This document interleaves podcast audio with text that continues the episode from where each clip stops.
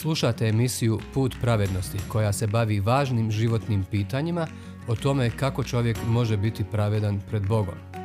Ako imate bilo kakvih pitanja ili komentara vezano za današnju emisiju, na kraju ćete imati informacije kako nas kontaktirati.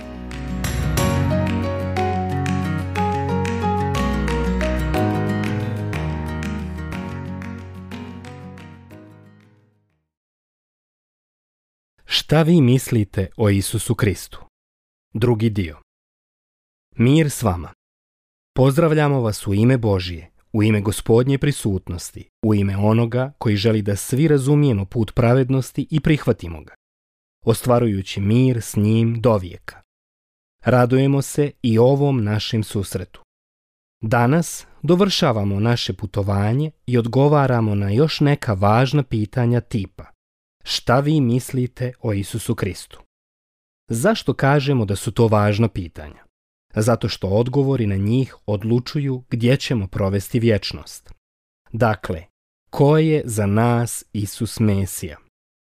Prošli put smo govorili o njegovom čudesnom rođenju, njegovom svetom karakteru, predivnim riječima, silnim dijelima i uzvišenim nazivima, to jest titulama. Danas je pred nama još pet pitanja u ovom smislu.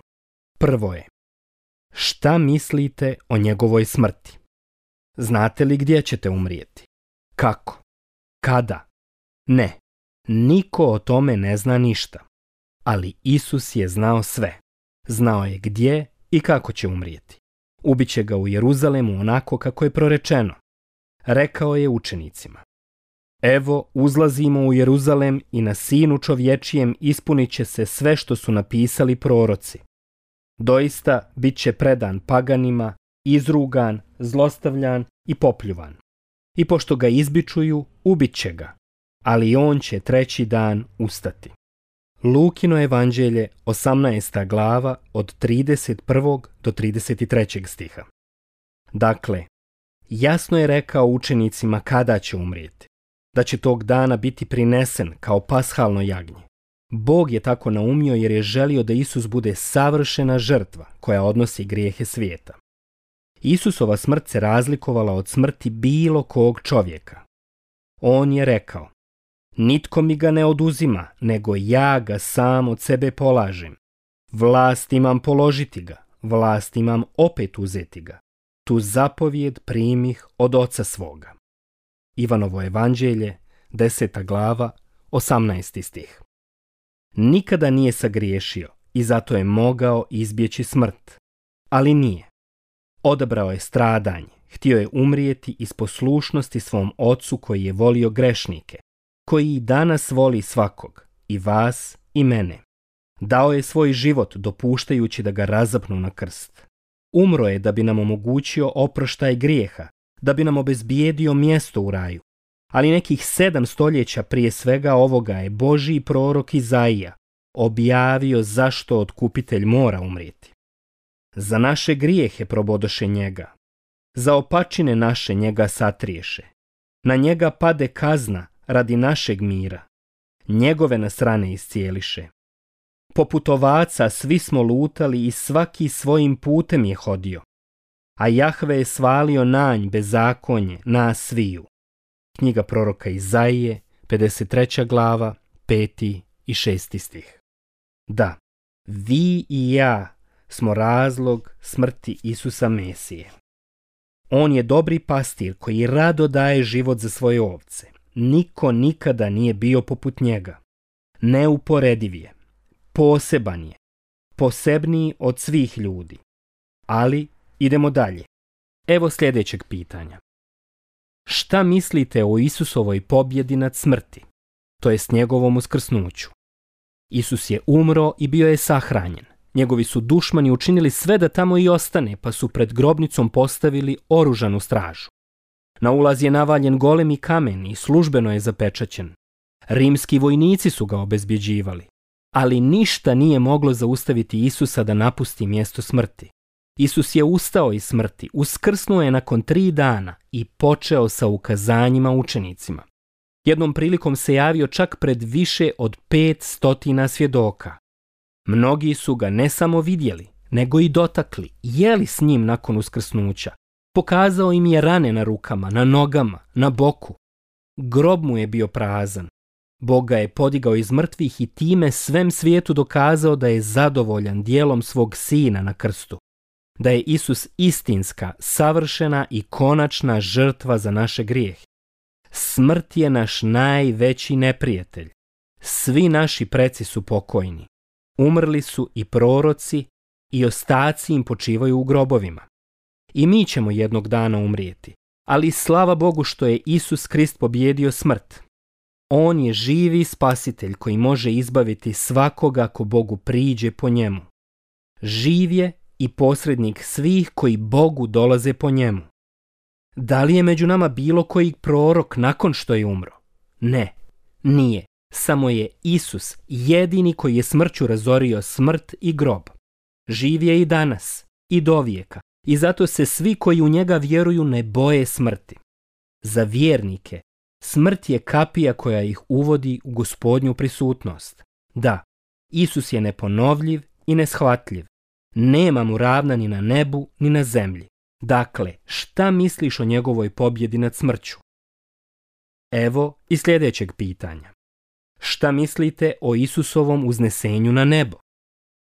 Elem, nakon što je gospod Isus ustao iz mrtvih, 40 dana se ukazivao svojim učenicima.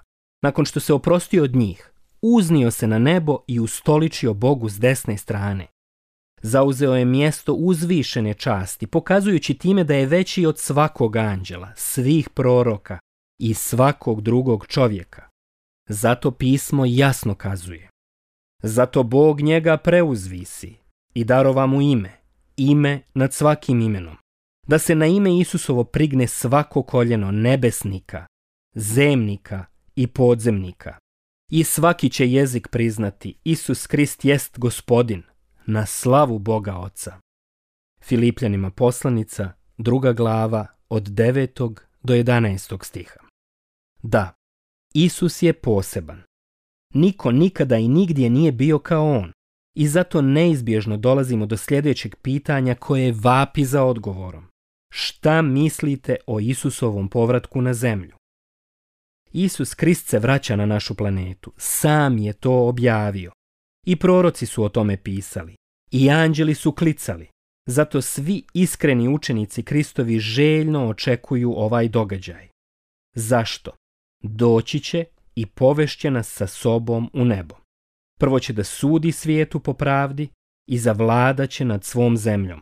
Biće kralj cijele planete. On mora vladati čitavih hiljadu godina, sve dok i posljednjeg svog dušmanina ne pokori. Da, uskoro se vraća svi će morati da ga ispovijede za gospoda svih gospodara i kralja svih kraljeva. Isus dolazi i svi ćemo stati pred njega, velikog sudiju. Jednog dana ćemo ga sresti licem k licu. Pitaće nas, šta si za života mislio o meni? Ko sam ti ja bio? A ti? Šta ćeš mu kazati? Pa Isuse, mislio sam da si jedan od proroka. Potom ćete pitati zašto nisi iskreno vjerovao u njega onako kako se on objavio, riječju i dijelom. I onda ćeš biti osuđen jer ga nisi htio za sina Božijeg s neba i jedinog spasitelja. Dakle, znaš li ko se uskoro vraća da vlada? Abraham, Mojsije, David ili koji drugi prorok? Ne, niko od njih. Samo se gospod Isus Krist vraća na zemlju. On je sudija. Bog je to dokazao uskrsnuši ga iz mrtvih. On se vraća i svi će ga ugledati. Svako koljeno će mu se pokloniti. Svaki će jezik ispovjediti da je gospod. I evo nas na posljednjem pitanju. Šta misliš da je njegova volja za tvoj život? Isus reče, dođite k meni svi koji ste izmoreni i opterećeni i ja ću vas odmoriti. Uzmite jara moj na sebe, učite se od mene jer sam krotka i ponizna srca i naći ćete spokoj dušama svojim. Matejevo evanđelje, 11. glava, 28. i 29. stih. On i tebe i svakoga poziva baš sada, danas.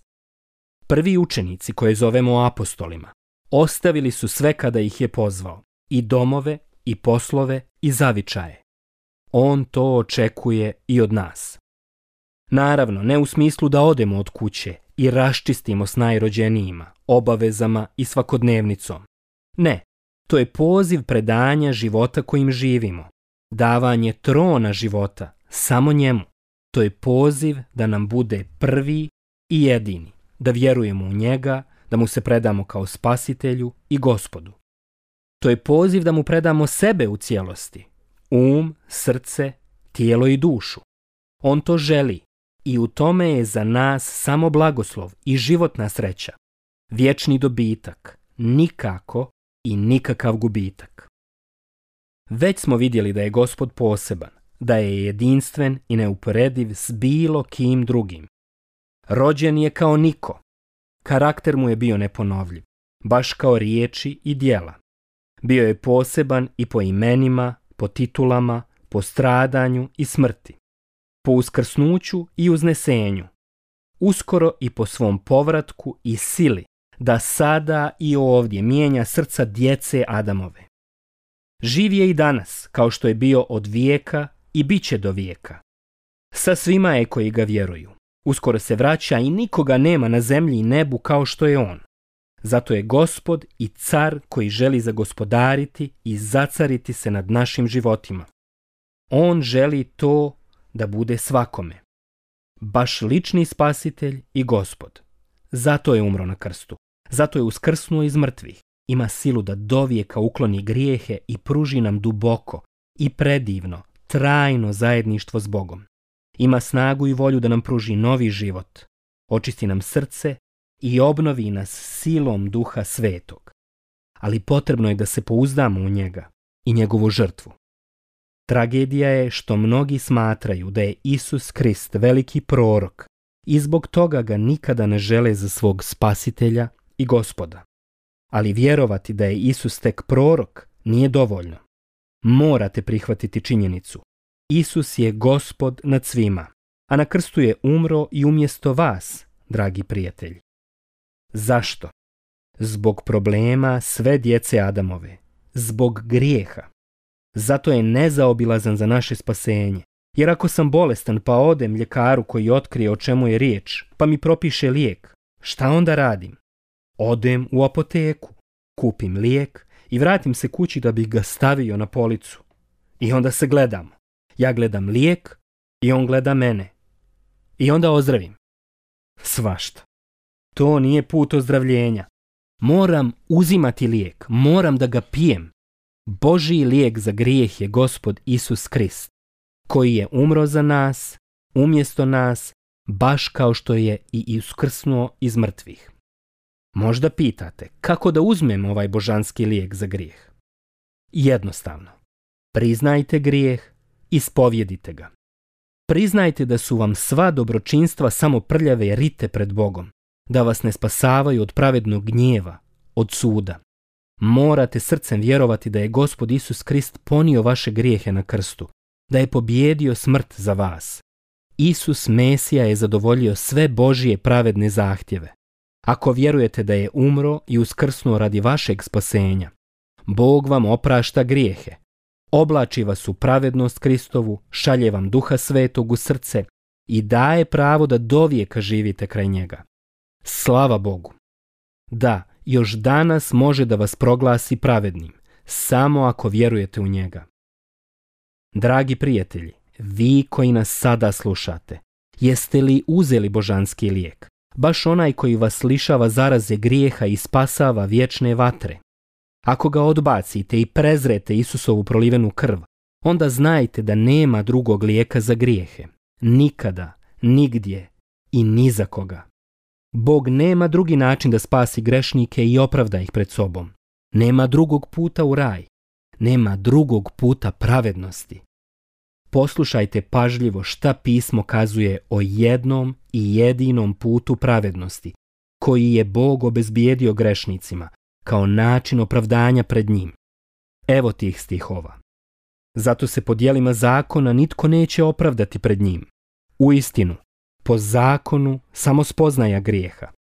Sada se pak izvan zakona očitovala pravednost Božja, posvjedočena zakonom i prorocima. Pravednost Božja po vjeri Isusa Krista, prema svima koji vjeruju.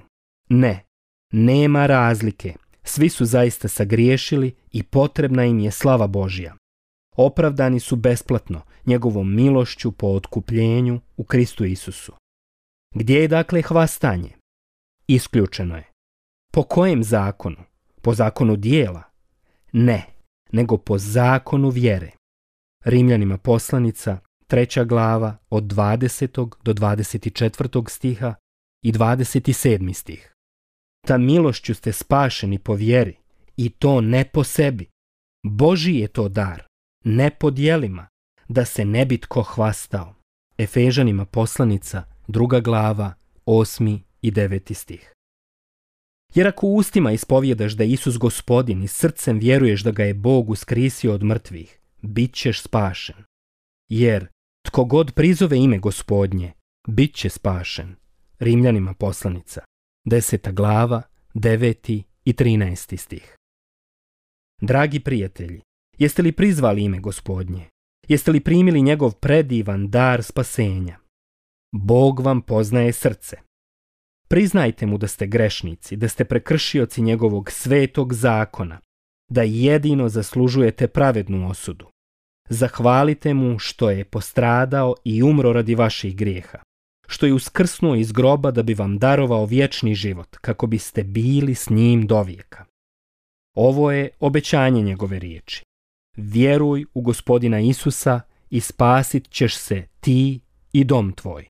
Dijela apostolska 16. glava, 31. stih. Amen. Ako ste se pouzdali u spasitelja o kome su pisali svi proroci, javite nam o tome.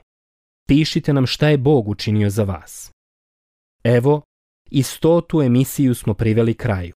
Završili smo naše putovanje putem pravednosti kroz sveto pismo. Hvala što ste putovali s nama. Srdačan pozdrav uz molitvu blagoslova Božije svete riječi onomu koji vas može očuvati od pada i bez prijekorne postaviti pred svoju slavu u klicanju, jedinomu Bogu, spasitelju našemu, po Isusu Kristu, gospodinu našemu, slava, veličanstvo, vlast i moć i prije svakoga vijeka i sada i u sve vijeke. Amen. Judina poslanica, prva glava, 24. i 25. stih.